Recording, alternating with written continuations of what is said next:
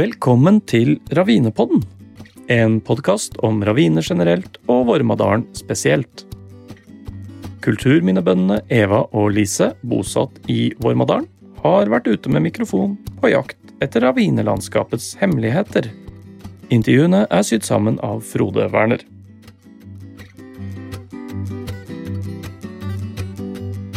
Vi bor i et landskap som er unikt i verdenssammenheng, godt gjemt og nesten glemt. Med podkasten ønsker vi å gjøre denne kulturhistoriske perlen bedre kjent. Hvem er du? Det er veldig tvilt. Nei, men i hvert fall, hvert fall navn og adresse, holdt jeg på å si. Var det et stort identitetsspørsmål, eller var det et folkeregisterspørsmål? Det er mer sånn, eh, ja. Jeg har lurt på det samme hele livet, hele livet. Uh, ja, nei, altså, jeg heter Einar Duenger Bøhn. Født 14.12.1977. Vokste opp i Vormsund. Kulmoen første halvdelen. Campusdalen andre halvdelen. Nå jobber jeg på Universitetet i Agder i Kristiansand. Bor i Oslo og Lillesand. Drømmer om et småbruk. Et eller annet sted. Gift og tre barn. Og yrke. Professor i filosofi.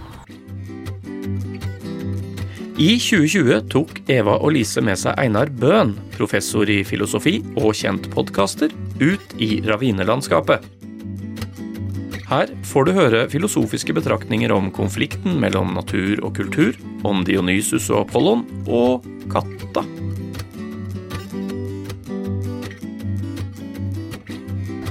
Men Einar, når vi sitter her og hører fuglekvitter, hva, betyr fuglekvitter for, for mennesker? Nei uh, Det veit jeg ikke. Nei? Aner ikke hva det betyr for mennesker. er det, men er det, gjør det noe med når vi hører? Er det greit for deg å høre fuglekvitter? Ja, jeg elsker det jo. Altså, jeg elsker å gå ut og høre fuglekvitter, for det er noe med det er noe med sånn helt type ro da, som du får når du hører det, som jeg syns er veldig fin. da. Så når du går tur i skauen og hører fuglen, så er det veldig jeg vet ikke, avslappende, litt sånn meditativt. Um, så det gjør ikke noe altså tenk I forhold til en, mot, til en eh, riksvei, f.eks. Du hører jo sus der òg. Eller setter på musikk hjemme, så hører du jo masse lyd der òg. Uh, men eh, noe med fuglekvitring som er liksom, vet ikke, helt sånn naturlig meditativt. Hva gjør det nå når du får begge deler på en gang? fuglekvitter på det ene øret og veien på det andre. Ja, nei, opplever du det? Nei, Det er jo en av de som ødelegger, da, for å si det sånn. jeg tror ikke Jeg tror det er ganske åpenbart hvem av de det er som ødelegger. Men det er jo veldig gøy med fuglekvitring òg, hvis du sitter og hører på det lenge nok. Så er det sånn Du begynner å høre etter melodier, du begynner å høre etter liksom gjentagende mønstre. Sånne ting som jeg syns er litt gøy, da. Men jeg har ikke noen god begrunnelse for hvorfor jeg syns det er gøy. Men den andre lyden, da? Den veien? Hva, hva, hvordan opplever du den? Ja, du, det som jeg bekymrer meg litt med veilyder, er at du venner deg til det på den ene siden. Så du blir bare sittende Du tenker ikke noe Jeg vokste opp rett ved gamle rv. 2. Var det ikke det det het en gang? Eh, så du hører jo eh, Du hører jo bilene, så tenker du ikke noe særlig over det. Men eh, når du først begynner å tenke over det, så blir du sittende. Og da hører du bare veien hele tida. Så når jeg først nå har begynt å tenke at vi hører veien her nå, så hører jeg jo veien like godt som fuglene. Og da blir det veldig irriterende. Så det er Og den er konstant, liksom. Du får ikke gjort noe med det. Så det er veldig ødeleggende sånn sett, da. Så du må ganske langt innover før du ikke hører den lenger. Altså, man snakker om uh, lydforurensning, har man begynt å snakke om de siste åra. Og så har man begynt å snakke om lysforurensning. Altså det naturlige mørket og det naturlige stille. At det er trua, da. Og det er jo ofte ikke sånn man tenker på med naturvern umiddelbart. Det er mer sånn som kommer etter hvert. Uh, og det som er interessant med det, det er litt sånn som når jeg skal kjøpe meg motorsykkel. Ganske god analogi, egentlig. når jeg skulle kjøpe meg motorsykkel. Før jeg begynte å tenke på det, så så jeg jo aldri noe særlig med motorsykler. Tenkte ikke noe over det. Og så når jeg begynte å tenke på at nå har jeg lyst på å kjøpe meg motorsykkel, da ser du motorsykler overalt. Det samme når du skulle få barn. Før du fikk barn, så aldri noe barn. Tenkte ikke at det var så mye unger i verden. Og så når du fikk barn selv, så ser du barnevogner overalt. Eh, og det er litt med fokuset, da. Hva som er liksom i mente når du er opptatt av noe. Du ser det mye mer når du er oppmerksom på det. Da. Og sånn er det med alt. Sånn er det med liksom, eh, lysforurensning f.eks. i Oslo. Når det først slår deg at du aldri ser en klar stjernehimmel, liksom, eller du først slår deg at det er veldig mye kunstig belysning, så ser du det mye mer og henger deg mye mer opp i det enn når du ikke har tenkt over det. samme gjelder jo og lyden. ikke sant? Når du først har lagt merke til motorveien, så er det det eneste jeg hører. Du er jo filosof, Einar. Ja. Hva ville Nietzsche eller Apollon eller Dionysevs eh, Hvilke tanker gjorde de seg om dette du sier der? Om dette med fokus og at du hører det og Nei, det er, Nietzsche er jo veldig opptatt for av disse Han er veldig opptatt av sted. da, Det å høre hjemme et sted, og det også at det stedet du er på Når du eh, jobber og oppholder deg, så skal du være på steder som samsvarer med dine indre tilstander, som han snakker veldig mye om. da. Holde avstand fra folkemassen og være på egen hånd for å tenke selvstendig, f.eks., var han veldig opptatt av. Og da trakk han seg opp i fjellet, opp i høyden, for å ikke være sammen med folk. Og Det var veldig sånn symbolsk for han da, at han skulle være høyt oppe og se ned og holde avstand for å kunne tenke klart. Og så gikk han ned i byen med gjennom mellomrom og var der for å liksom menge seg og, og erfare og se livet og oppleve folk og sånn. Og så trakk han seg tilbake opp i fjellet igjen for å liksom få stillheten og roen til å tenke sjøl.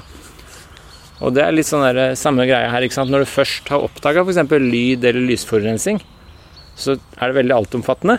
Eh, og da, må, da, samsvarer ikke det med mine indre tilstander, f.eks. Jeg har ikke lyst til Altså, jeg identifiserer meg ikke med en billyd eller hvitt neonlys som ødelegger det naturlige lyset, ikke sant. Og da må du begynne å trekke deg unna for å få samsvar mellom det du egentlig opplever av indre ro, f.eks., og der du er. Eh, og da må du ut og vekk. Men du tenker kanskje ikke over det før du tenker over det, så å si. Eh, du må først bli oppmerksom på det. Så det handler jo om kunnskap som alt annet, ikke sant. Sånn som disse ravinene som har fått mye oppmerksomhet nå. Det handler om at når du først ser det og begynner å tenke over det, så ser du verdien. Du må erfare det også, ikke sant. Ikke bare liksom høre om det på avstand eller noe sånt. Du må faktisk liksom se det. Og da blir det veldig altomfattende, og da er det først da du begynner liksom å tenke over hvor viktig det er, da. Så det er veldig lett å avfeie ting før du har erfart det. Men det er mye vanskeligere etter at du har erfart det. Eh, og dette er ganske sånn filosofisk interessant også med kunnskap. Altså det er to typer kunnskap du kan ha. da. Så, det også at vi skal dø, f.eks., er ofte brukt som et eksempel på de to forskjellige former for kunnskap. Før eller siden skal dø, det vet alle, det er ikke noe nytt. Kommer ikke som noen bombe på veldig mange. Men det er veldig forskjell på det å vite det, og det å erkjenne at faktisk du skal dø. Og den klarer du ikke å holde på veldig lenge. Den får du bare sånn glimtvis. At du får litt sånn angst og panikk og bare sånn Shit, jeg skal jo dø, liksom. Og den, det er en helt annen form for erkjennelse da, enn den første hvor du bare vet at det er sant. Og det å kjenne det på kroppen, så å si, er noe helt annet. Og det er mye vanskeligere å holde på. da. F.eks. at livet er meningsløst. Du kan godt si det og tenke det, men du klarer ikke å holde det fast på kroppslig erkjennelse veldig lenge.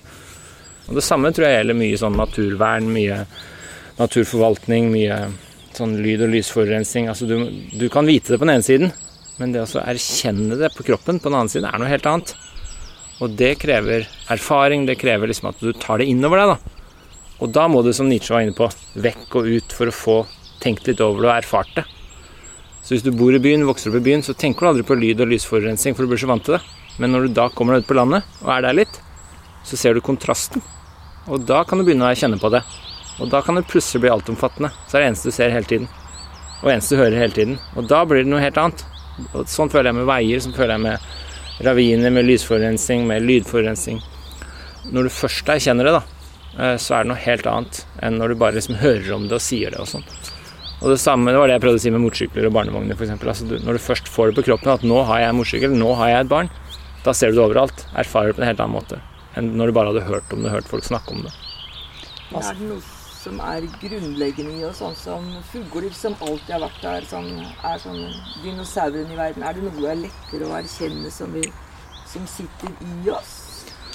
Ja, altså det er mange eh, som tenker litt sånn at det er noe vi er liksom det er noe vi liksom er evolusjonært disponert for å like fremfor andre ting, f.eks. Eller evolusjonært disponert for å høre og verdsette fremfor andre ting. Så f.eks. et moderne byliv har vi ikke med masse trafikkstøy, f.eks. Har vi jo ikke evolusjonært utvikla oss over mange hundre tusen år til å, til å takle.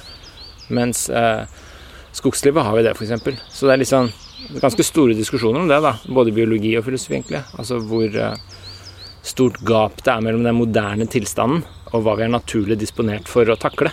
Spesielt bare tenk på sånn som informasjonsstrøm og smarttelefoner nå, liksom. Vi er jo ikke evolusjonært utvikla til å takle den type informasjonsstrøm så fort, så mye. Vi er utvikla mer for at noen skal liksom sende en beskjed via en annen på hest, liksom.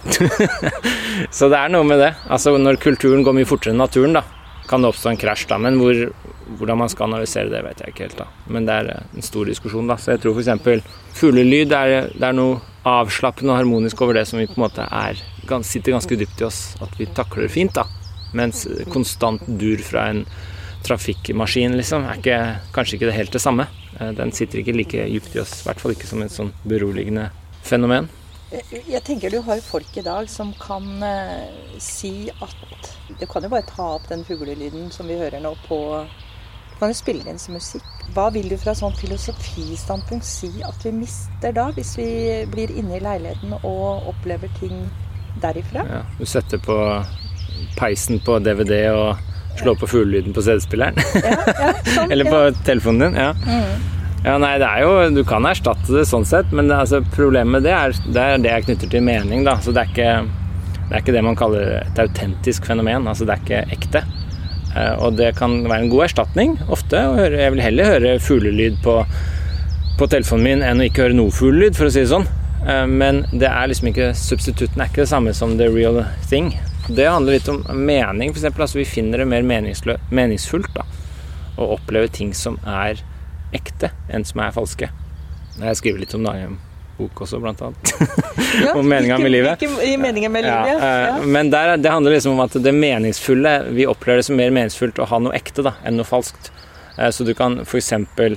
erstatte mye med kunstige ting, men det oppleves mindre meningsfullt for mange. Eh, F.eks. Eh, kunstig plen. da. Du har plastikkplen, liksom. Det oppleves ikke det samme som å ha en naturlig plen.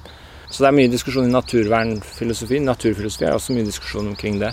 Det er snakk om en sånn erstatningstese. Sånn er det, hva er galt med å bare erstatte naturen med noe kunstig, eller noe som ligner, eller noe som er Kan vi erstatte og få samme verdi ut av det, da? Mange, da. Jeg er inkludert, som tenker at det er noe som går tapt. da. Altså Det er noe ekte og autentisk som går tapt. Det blir noe kunstig over det. Det betyr selvfølgelig ikke at du aldri skal gjøre det. Hvis f.eks. et eh, naturlandskap eller en art er i ferd med å dø ut, og vi lager en litt kunstig versjon av det, så er det kanskje bedre enn ingenting. Det, og vi manipulerer naturen hele tiden. Vi setter ut salt i elgen, vi, vi, holder bestanden nede, vi, vi, planter trær så det skal se naturlig ut. Vi, manipulerer jo naturen hele tiden, vi mennesker. Eh, men det er på en måte spørsmål om i hvilken grad og på hvilken måte man skal gjøre det. da. Det er f.eks. svært lite urskog igjen i Norge.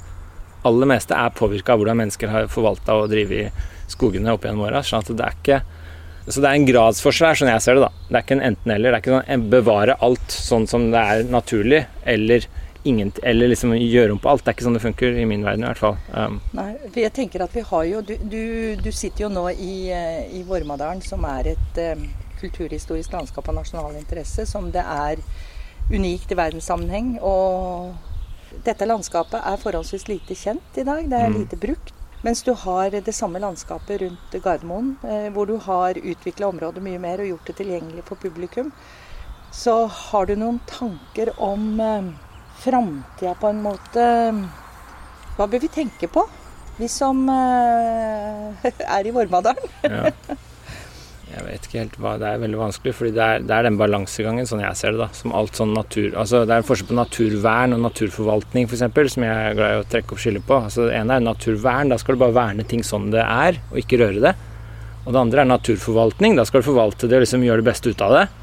Og på en, enda mer ekstremt at du bare liksom tar over og gjør noe helt annet som vi vil, da.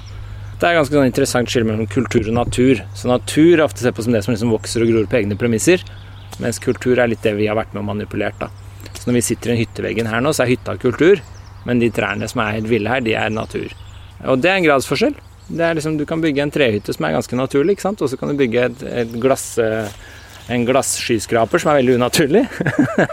og det er en gradsforskjell, da. Så jeg tror det handler om å finne en sunn balanse, da. Og da er det vel mer sånn som som jeg syns er ille, det er ikke det at vi liksom gjør noe med naturen, for vi er på en måte del av naturen, og er like naturlige vi som katta, som mauren, som gresset, liksom. Vi er også en del av naturen. Så det at vi er med, syns ikke jeg er så veldig unaturlig. Men det er måten vi gjør det på som er veldig sånn lite omtenksom og lite gjennomtenkt, da, som bekymrer meg mer. At vi liksom vi bare gjør om på hele naturen på våre premisser, i stedet for å tilpasse oss dens premisser. på en måte. Eh, og den balansegangen jeg synes er ganske Som har gått for langt, og som du ser hele miljøbevegelsen nå prøver å snu. da. Eh, det er ikke det at det liksom skal fjerne mennesker fra naturen, men det er mer det at vi må få en større harmoni. da. at vi må tilpasse oss mer på dens premisser også, og, ikke, og skjønne liksom variasjonen som trengs i natur, f.eks. Hvis alt blir veldig likt, så er det også en viss risiko i det. At du er mye mer, mindre motstandsdyktig til forandringer når alt er helt likt. Så det er en balansegang, sånn jeg ser det faktisk. Jeg er ikke noen sånn stor fan av det naturvern for naturens skyld. Eh, for det kan fort bare bli antikvarisk. altså Det er sånn tilbake til steinalderen. Som, det er, for det første er det veldig lite realistisk, og for det andre så er det ikke Jeg tror, ser det ikke som veldig meningsfullt å gå bakover. Men det er mer den forvaltningen på en harmoni og, og sette pris på naturen og fuglekvitringen og sånn, da. Og hvis du da legger en motorvei rett gjennom skogen, så forsvinner all den fuglekvitringen. Og da har du ikke og fugla. Og fugla. Og da har du på en måte ikke tilpassa deg, ikke sant. Eh, du har ikke gjort noe på Du har ikke delt noen premisser, da. Eh, og alt liv har liksom sine egne premisser det, og interesser det må ha, få tilfredsstilt for å leve, da. Det er den vi liksom har overkjørt litt på bare våre, da. Sånn jeg ser det hvert fall. Vi har liksom dyrka jorda, for eksempel, ikke sant, og sånne ting, men det var han, jeg tror det er han Harari som skriver det i Homo sapiens, den boka som ble så kjent for noen år siden, at eh, egentlig så er det jo kornet som har temma oss. Fordi vi liksom temma kornet og begynte å dyrke, ikke sant? men da ble mennesket stedsværende. På de dyrka markene så ble de værende der, i stedet for å gå rundt og samle og flytte seg fra sted til sted. etter avhengig av sesongene. Så kornet temma jo mennesket. Og da fikk vi flere barn. Og da måtte vi dyrke mer mark for å fø alle de barna. Fordi vi ikke lenger var på farta rundt, da. Så det er liksom artig vri på det, da. Da har vi et spørsmål her. Sånn, kanskje først hva du hva Når vi sier ordet ravine, hva forbinder du med det? Nei, det, jeg får se på det litt som sånn dreneringslandskap, men jeg vet ikke helt hvorfor. Uh, sånn, det er sånne dalesøkk ikke sant, som ofte går nedover mot uh, elver og, og, vannsteder. Da. Men jeg har også sett, litt, etter at dere spurte om jeg så har jeg sett litt på å prøve å finne definisjoner av raviner. Det er ikke så veldig lett, egentlig. så hva definisjonen på en ravin er. Men jeg ser på det litt som sånne dalsøkk da, som går nedover mot elver og sånn. Uh, er, raviner er for meg litt sånn som motorsykler og barn. Det var noe jeg ble oppmerksom på når jeg først liksom hørte om det, begynte å tenke litt på det og gikk en tur, og så ble jeg mer og mer oppmerksom på det. Og nå så ser jeg etter raviner overalt. og kjører fra Oslo, så så jeg liksom på motorveien, så er ikke det en ravine der, da. Hva er definisjonen, liksom? Så nå er jeg litt sånn oppmerksom på det igjen. Og det er ganske sånn eh, Det er litt sånn uh, tilfelle som vi snakka om tidligere, da. Altså når du først ser det. Og da vil du selvfølgelig ikke at det skal fjernes, du vil ikke at det skal flates ut. Og så begynner du å få litt mer kunnskap, så tenker du som ja, det funker jo som dreneringslandskap. ikke sant? Det er veldig viktig at det, hvis alt blir flatt, hva skjer da hvis det blir, regn, hvis det blir flom f.eks.? Så det er en del sånne ting da, som uh, kunnskapen bringer med seg interesser og ønsker. Men jeg har ikke noe sånn veldig personlig forhold til raviner, egentlig. Fra barndommen av. Jeg tenkte aldri over det. Mitt inntrykk er kanskje at det er litt sånn i tiden nå. Raviner er litt et sånt fenomen man er mer oppmerksom på nå enn man var før. Litt sånn som lydforurensning, lysforurensning. Man finner disse fenomenene som på en måte vi har fjerna, som vi kanskje ikke burde ha fjerna så mye av. Og så begynner man å tenke mer over det, og så begynner man å verne det lille vi har igjen. Så det er et sånn fenomen som føyer seg inn i rekken av sånne fenomener, da, som jeg ser flere av for tiden. Hva betyr det for deg at Riksantikvaren har pekt ut Vormadalen som et kulalandskap? Altså For meg personlig så betyr det egentlig ingenting, fordi jeg bor jo ikke her. Men det betyr jo noe for meg sånn uh, Det er veldig viktig å sette sette navn og diagnoser så å si, på ting for at det skal få sin rett. da, slik at eh, når du kaller noe et kulturlandskap, så legger du en viss verdi på det, som bevarer det på et visst nivå. Selv om det ikke har en verningsverdi, kanskje, så legger du en viss tyngde på det. da, og Det er klart det er viktig. Hvis du ikke gjør det, så er det mye lettere å bare flate det ut og lage et jorde, eller bare kjøre over det med motorvei. ikke sant? Eh, så det er veldig viktig å sette navn på ting. Så Sånn sett er det jo kjempeviktig at noe gjør det. Og for meg så er jo Nes bygda som jeg vokste opp i, da, og som jeg fortsatt ja, ser etter småbruk av og til, men jeg venter til motorveiavgjørelsen er tatt. men eh, jeg vet ikke, det er, vanskelig å skille nostalgi og kritikk òg, da. Altså hva er nostalgi, og hva er egentlig reell kritikk? Er vanskelig for meg å skille av og til. Men jeg syns f.eks. det er veldig synd hvis i den nye identiteten blir liksom en firefelts motorvei. Litt sånn som Drammen, liksom. Eh, hvor motorveien er en kjempefaktor i byen, liksom. Eh, det er jo kjempekjedelig. Altså for meg er liksom bygda litt sånn idyll med fuglekvitringa. Eh, og det er nok en sånn som er litt sånn undersnakka, da. Det er liksom demografien, altså hvem som bor hvor. Hva slags mennesker bor hvor. Alle bygder trenger liksom litt av hvert for å ha et sunt system. ikke sant? Så trenger du noen bønder, noen eh, by, byfolk. Du trenger litt blanding av folk som skal bo et sted for du skal ha et sunt samfunn. Eh, og ikke at det bare er én type mennesker som bor et sted. Og når du får en tung motorvei gjennom en sentrum, så er det f.eks. ingen som har råd til det, gidder å bo der da. Så, så det, er, det er et sånn sensitivt issue. akkurat sånn Inntekt, skatt, hvem som bor hvor. Hvem kommer til å bo langs en motorvei? Det er jo ingen som gjør det frivillig, hvis de har råd til å bo et annet sted. Motorveien Einar prater om, er E16 fra Kongsvinger til Hønefoss, og debatten hvor den skulle gå gjennom Nes kommune. Hva hvis denne ideen ble en realitet om at man hadde en at motorveien den stoppa ved kommunegrensa, og man kjørte gjennom bygda uten at ja. på en tofelts eh, eh, vei? Mm. Jeg så Eva Nordby skrev om i Harvest. det var en veldig fin artikkel. Jeg leste den. Nei, Jeg syns det er en god idé, egentlig. Så det har vært veldig kult. Jeg liker sånn reaksjonære, rebelske ting. Sånn der liksom Nei, vi gjør ikke som alle andre, vi skal lage den veien istedenfor. Jeg er jo på en måte glad i motorveier. Som, jeg er ikke noen sånn motstander av motorveier som, av prinsipp. Jeg syns motorveier ofte er veldig lønnsomt når du skal komme deg fort fra A til B. Uh, og privatbilismen er jeg fan av. Det er mer og mer miljøvennlig. Den er ekstremt frihetsgivende, som du aldri får med offentlig transport. Jeg tror Folk undervurderer litt den friheten, spesielt på landet, som du trenger for å ha egen bil. Uh, så jeg, jeg, liker veier, jeg, på en måte. Men uh, jeg kan ikke skjønne liksom firefelts motorvei gjennom der folk bor. Det er det jeg ikke skjønner. Men jeg vil jo heller ikke at den skal ligge tvers over en ravine, som er noe du vil ta vare på. Så det er et dilemma, da. Så jeg ser hva problemer overalt, egentlig. Så det er derfor jeg likte den ideen litt. At det liksom Nei, i denne bygda så skal vi liksom Her er det flaskehals. Det blir 80-90-sone. Det går saktere. Du legger til fem minutter, ti minutter for å komme til Skarnes. Jeg likte det veldig godt, faktisk. Så ja. Men jeg har ikke noe svar på den motorveiproblematikken. Jeg syns det er et dilemma på alle nivåer. Innerst inne så syns jeg kanskje ikke det burde være noen motorvei. Pragmatikerne meg sier at den burde gå der det ikke er folk, men ikke ødelegge for min natur. Så likte jeg denne kulturideen om at nei, vi skal ta et standpunkt og si her er det 90 felt, liksom. Men ja, så jeg vet ikke. Du har kanskje svart på det, men vi har et veldig fint spørsmål her. Om vi trenger å ta vare på raviner fra et antropo, antroposentrisk perspektiv, står det her. Ja, som vi trenger å ta vare på ravinene for liksom vårt eget perspektiv. Eh, fra vårt eget perspektiv.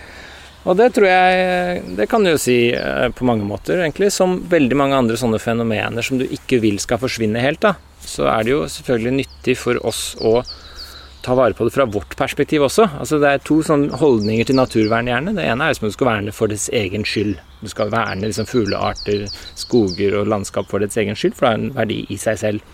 Og det andre er mer sånn antroposentrisk, at du skal verne for vår skyld. Vi trenger det, og derfor bør du verne det. Og det funker jo ofte bedre i politiske debatter å si det fra vårt perspektiv. Å si vi må verne fordi de tjener oss. Da er veldig mange flere med, da. Og jeg tror mange sånne fenomener har en funksjon. Altså Dette går helt tilbake til sånne greske filosofer som snakka om det her, at du skal Det ville, uberørte naturen, da. Den er veldig viktig for vår egen forståelse også av hva vi er. Så det er veldig viktig for at vi skal se et mangfold, for det blir mye mer spennende og interessant. For da lærer vi mye mer av enn at alt er likt. Det skal eh, bevares f.eks. uberørt natur fordi vi ser da hva det ville er i kontrast til det temmede, som er liksom oss. Du må bevare den ville, uberørte naturen for å kunne bevare vår egen identitet. Så hvis alt ble sånn som oss, sånn bylandskap, så mister vi en del av den der identiteten til mennesket mot naturen, den kontrasten. Da. Så det er mange sånne hensyn å ta. Også, ja, mer sånn nyttehensyn også, fra vårt perspektiv, er jo hvis det fungerer som et dreneringslandskap, veldig lurt å ta vare på det. Hvis det blir mer regnkatastrofer fremover, mer flom, mer ekstremvær, veldig lurt at ikke alt er flatt. så sånn sett er det masse hensyn å ta som gjør at vi bør ta vare på det. Jeg tenker med at du skal ta hensyn til alt liv, egentlig, av uh, to ting. Altså, ene er livets interesser. Alt liv har sine interesser for å leve. Og det er det det vil si å være moralsk. Det er å ha hensyn til andres interesser. Så for meg er det sånn moralsk anliggende å ta vare på fugler og naturlandskap og arter og sånn, for det har interesse av å leve, eh, som vi da som moralske vesener bør ta hensyn til.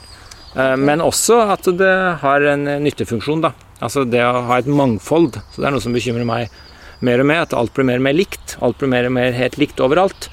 Eh, alle byer rundt med hele verden har de samme butikkene, samme kjedene, samme stedene. Det ser likt ut. Vi bygger arkitektur som er helt likt. Og det gjør ikke bare livet mindre interessant og kjedelig, men det gjør også oss mindre resistente mot store forandringer. Da. Eh, så det er litt sånn som innavl. Hvis du har en art som bare avler på seg selv, så blir den veldig lite resistent mot sykdom f.eks. Og det samme gjelder i kultur. Altså Hvis du har en kultur som er veldig enhetlig, så er du veldig lite resistent for store forandringer. Eh, slik at eh, jeg tenker mangfold da, har en verdi i seg selv. Og det må tas ta vare på i større grad. da. Jeg, jeg satt og tenkte på noe, for du har laga den podkasten med Kristoffer Schou, hvor dere leser Nietzsche, og så, og så drøfter dere ulike kapitler etterpå. Eh, hvordan ville du og Kristoffer ha behandla dette her fokuset på, på naturen og raviner Ja. og eh, Jeg har ikke helt klart for meg hva jeg spør om, Einar, så Nei. du får bare tolke det. Nei, altså, det, vi, hadde, vi har sett litt på hvordan Nietzsche f.eks. snakker om natur. da. ja. Og han eh, sier ganske lite om naturvern. Det var jo skrevet på slutten av 1800-tallet, 1880-tallet. Eh, og naturvern var liksom ikke et tema. Altså Hvis du ser i kunst og litteratur den gang, så var liksom Det ville naturen var skrevet om, og ble skrevet om, og natur ble skrevet om, men det var liksom ikke den der akutte krisen for å verne. Så det var mer at de klagde på store fabrikker og sånn, eh, og de klagde mer på den kulturen enn det at det ødela naturen. Vill natur var ofte sett på som noe litt farlig, ikke sant? det var noe mennesker skulle verne seg mot. Mens eh, fra, på begynnelsen av 1800-tallet så begynte det å snu litt. Sånn som I Norge så er jo han I.C. Dahl, denne natur, landskapsmaleren, han var en av de som først satte liksom naturen opp som noe vakkert. Eh, som du kunne beskue da, og stå på toppen og se utover og synes bare var vakkert, og ikke bare noe farlig du måtte sørge for å komme deg i live ut av. Så det var nok en litt annen holdning den gang da, enn det vi har i dag, hvor vi ser at det haster litt mer. Så han sier lite om det. Men på den annen side så har vi snakka litt om det også, at Nietzsche han jo, han er veldig opptatt av at landskapet skal matche din identitet og ditt indre liv. Det er viktig for Nietzsche, eksempel, de store tenkerne som han var veldig opptatt av. Var, han mente det var veldig viktig for dem å finne stedet de hørte hjemme, for å liksom finne den harmonien. da. Så han var veldig opptatt av f.eks. at du skulle ha god ernæring, du skulle gå mye, være i god helse. Han var veldig opptatt av det nære, fysiologiske, sunne tingene før du kunne begynne å liksom tenke store tanker. Eh, og det skulle i tillegg matche naturen du var i, f.eks. Så han gikk jo i Alpene og fant sine toppturer som han gikk på når han skulle tenke de riktige tankene. Og det fenomenet syns jeg er ganske interessant, og det hadde vi nok snakka mye om. Altså, fordi det handler jo litt om det derre med å finne den roen, da. Altså Det moderne mennesket sies jo ofte å ikke finne den roen. Vi er så stressa. Liksom, vi, vi skal liksom prøve nye ting. I kunst og kultur skal man alltid være original fremfor å dyrke liksom tradisjoner. ikke sant? Altså Det skal være noe nytt og spennende hele tiden. Ikke minst, mest opptatt av nå for tiden, arkitektur. Grusom arkitektur i våre tider. Det har vært de siste 100 åra, 50 åra. Bare verre og verre. Nå er det sånn arkitekturopprør som foregår. Nå vil man liksom se tilbake til den klassiske arkitekturen. Og det handler jo nettopp om at moderne arkitektur og moderne landskap matcher ikke lenger våre indre tilstander. Så vi får ikke den harmonien, vi får ikke den symmetrien som på en måte vi ser. da. Så når du ser hus, moderne bygninger, så er vinduene hulter til bulter, det er ingen sprosser i vinduene, det er bare store glassflater. Klossene ser ut som de skal hvelve, ikke sant? Husa ser ut som de skal hvelve, nye Munch-museet ser ut som de skal tippe ut i Bjørvika hvert øyeblikk. Det er ikke harmoni og ro.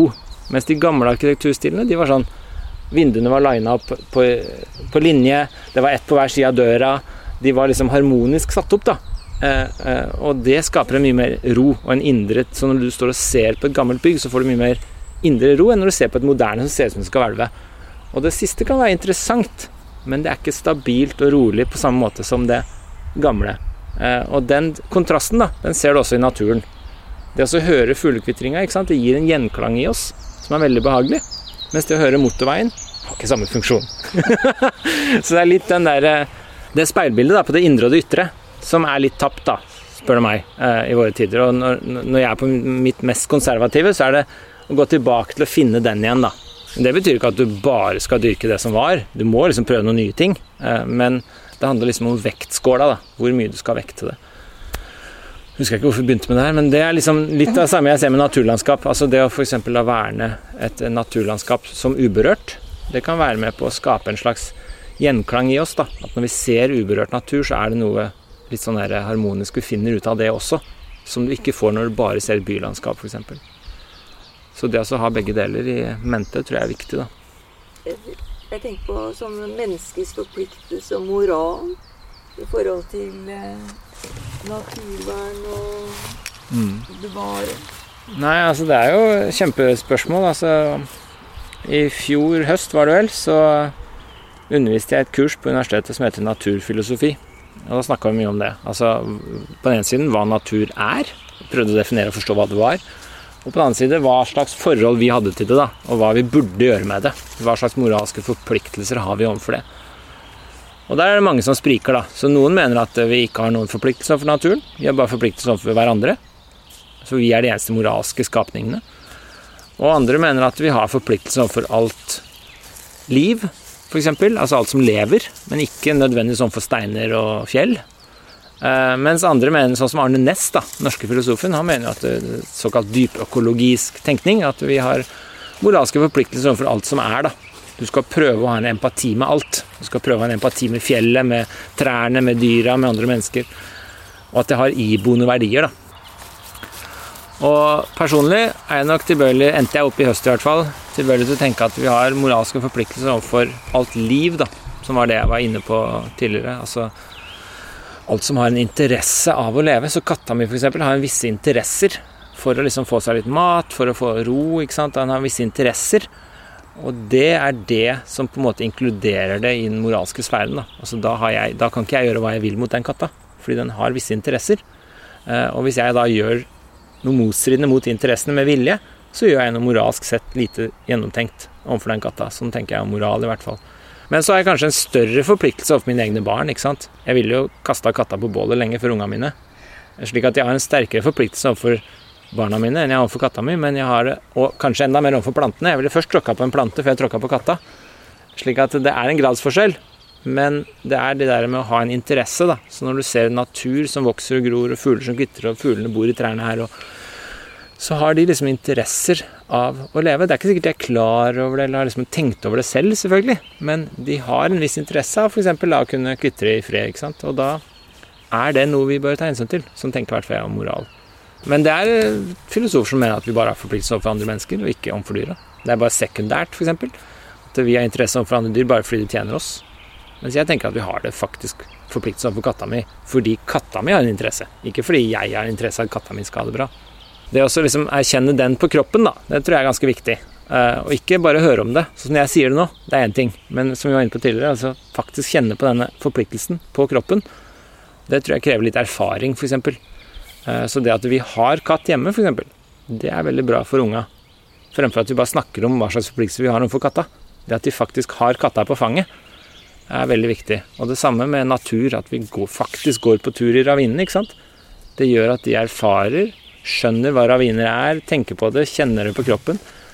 Og da sitter det mye lenger inne å ødelegge en ravine like etterpå for dem.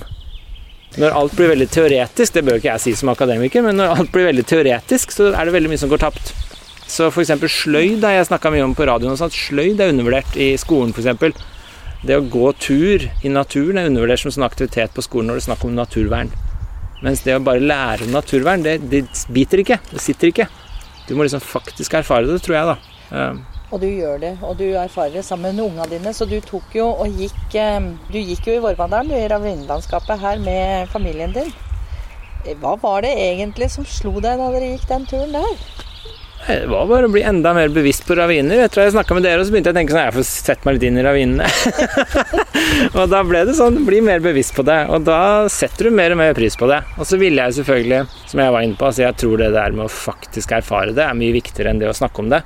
Så hvis jeg sitter og prater ved kjøkkenbordet i Oslo til unga mine om raviner, så går det dem hus forbi, ikke sant.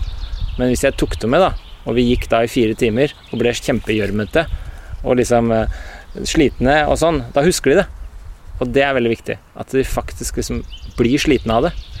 Så vi går jo ofte, da. Jeg tar ofte hver helg, liksom. En eller to ganger hver helg så tar vi med på en tur i skauen. Og da skal vi liksom bli litt møkkete og slitne, og da tenker jeg at det sitter mye mer, da.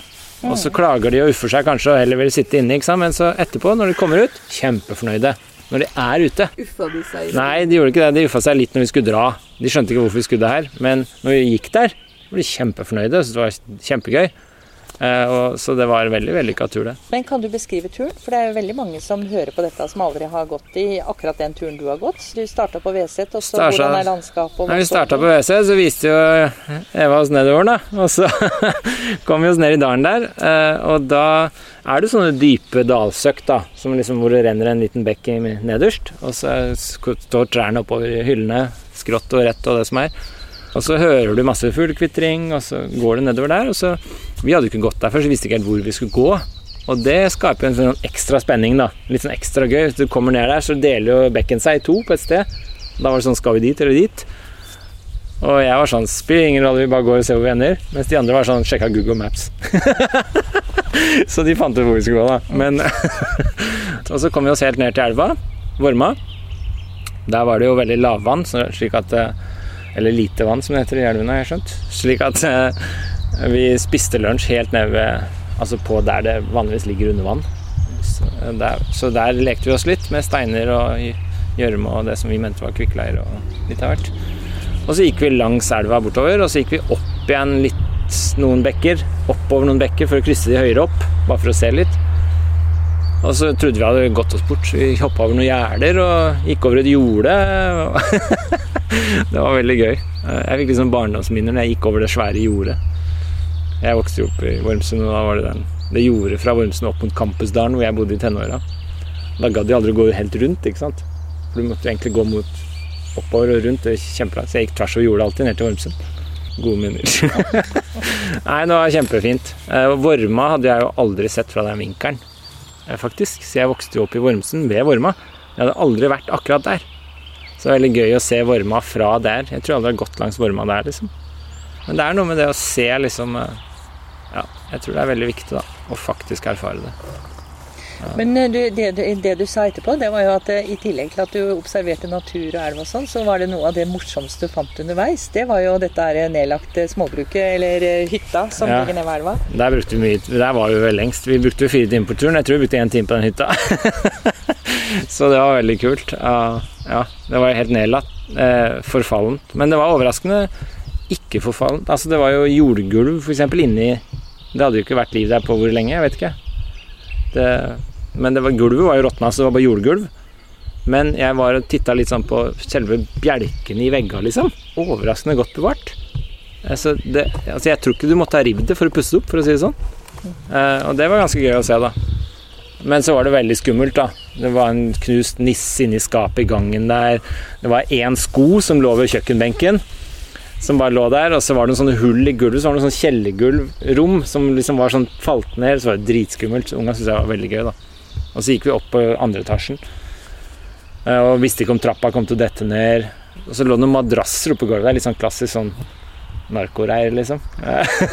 altså, så jeg vet ikke helt hvor, hvordan det har blitt brukt. Vi fant noen aviser fra 80-tallet. Det var noen dyrespor inni kjøkkenbenken. Det var veldig sånn blanding av natur og kultur, da, som var veldig kult. da.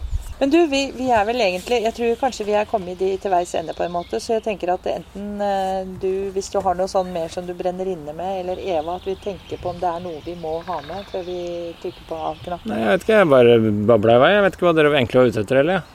Bable. Okay. Det eneste var det når dere snakker med, om Nietzsche der, så er det snakk om han har noen sånne guder som er eh, ja. viktige for ham.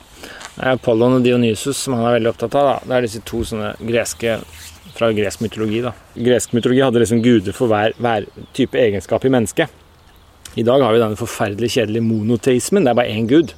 Én gud som vet og kan alt. liksom Hvor tørt og kjedelig er ikke det? Mens i gresk mytologi så myldrer det av guder. ikke sant? Én er liksom full, og den andre er rasjonell, og det representerer alle sider ved mennesket. Og Det er jo så mye friskere og mye morsommere. Ja, Det var en digresjon, men poenget er at Dionysus og Apollon er liksom to av de. da. Og Apollon er den rasjonelle, planlagte, som Sokrates representerer, hvor det liksom alt ble sånn vitenskapelig og gjennomtenkt og rasjonelt. Også Dionysus er denne festguden som liksom den greske kunsten før Sokrates representerte. da, Med de greske tragediene og Homers eh, Odysseen og Iliaden og sånn. Og der er det Dionysus er liksom, står for rusen, mens Apollon står for det rasjonelle. Da har jeg et spørsmål til deg. Ja. Tenk deg nå at du ikler deg Apollon, og du går den turen som du nå har gått, fra mm. WC til uh, huser gjennom Vormadalen. Ja. Hva ville Apollon ha sagt rundt dette landskapet? Nei, Han ville tenkt veldig rasjonelt og planlagt og vært veldig sånn fornuftig på det. Så det er veldig åpent hva han ville sagt. For han kunne jo på en måte Det spørs litt hvordan han har vært farga, da. Altså, han kunne jo vært farga av økonomisk hensyn, f.eks. Og da hadde han tenkt liksom ja, hvordan skal vi mest mulig utnytte dette økonomisk. Eh, han kunne vært eh, farga av eh, mye mer sånn rasjonelle kulturelle hensyn. Da hadde han tenkt liksom, hvordan skal vi best gjøre det her kulturelt sett. Så Sånn sett ville han vært veldig sånn tørr og, og, og gjennomtenkt uansett hvilket perspektiv han la an. da. Mens Dionysus ville jo være mer den dyriske. Og den instinktive rusen, altså det handler mer om instinkt. Det er bare å gi seg hen til noe. Eh, Så den også er veldig tvetydig, så jeg tror ikke du får noe svar her, egentlig. Fordi han ville ha Dionysus Dionysus, han ville tatt med seg en flaske vin og sitte nedi der, kanskje. Ja, kanskje det, eller så ville han liksom bare Studert fuglen Men på den annen side så kunne Dionysus bare tatt bulldoseren og kjørt over i full rus for å få til noe annet. Altså, ja, så jeg tror ikke det er noe sånn entydig svar på det. Altså, for det handler mer om Dionysus er mer den instinktet vi har til å bare liksom gi oss hen. Og det kan jo være veldig mye rart. Det kan være Så han kunne ødelagt hele Han kunne ødelagt akkurat like mye som han kunne bevart det, mens Apollon kunne også ødelagt akkurat like mye som han kunne bevart seg.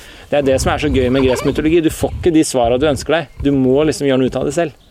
Uh, slik at det er veldig for, skal være forsiktig med å liksom appellere til den ene fremfor den andre.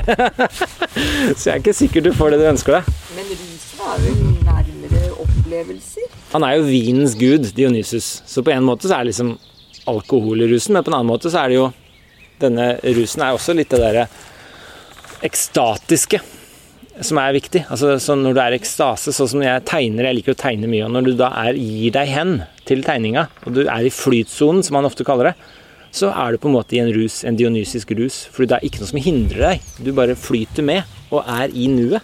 Og tid og rom opphører og sånn. Og sånn er det jo litt når du går i ravinene, f.eks. Når vi gikk den turen, det, når vi var liksom og klatra over bekker og gjerder og alt, så hadde vi på en måte gitt oss hen til ravinene. Og da var vi en slags ekstase over å gå i disse ravinene. Eh, Så sånn sett så var det Dionysus som styrte oss der. Men når vi da liksom slår opp på Google Maps hvor vi skal gå når elva krysser seg, eller bekken krysser seg, så er det jo Apollon som planlegger. Så det er liksom, vi har begge sidene, da. Og mennesket har begge to. Og det er veldig viktig, og det er også Nietzsche opptatt av. At vi kan ikke ha den ene fremfor den andre. Eh, For den ene er jo rent dyrisk, mens den andre er liksom rent rasjonelt. Og vi er begge deler. Og det var litt det vi var inne på tidligere, at du må ha den harmonien med begge deler. da. Vi kan ikke neglisjere den ene for den andre.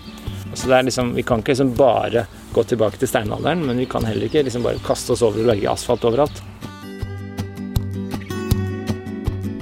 I denne episoden har du hørt filosofen Einar Bøhn sine betraktninger rundt viktigheten av natur generelt og ravinene spesielt.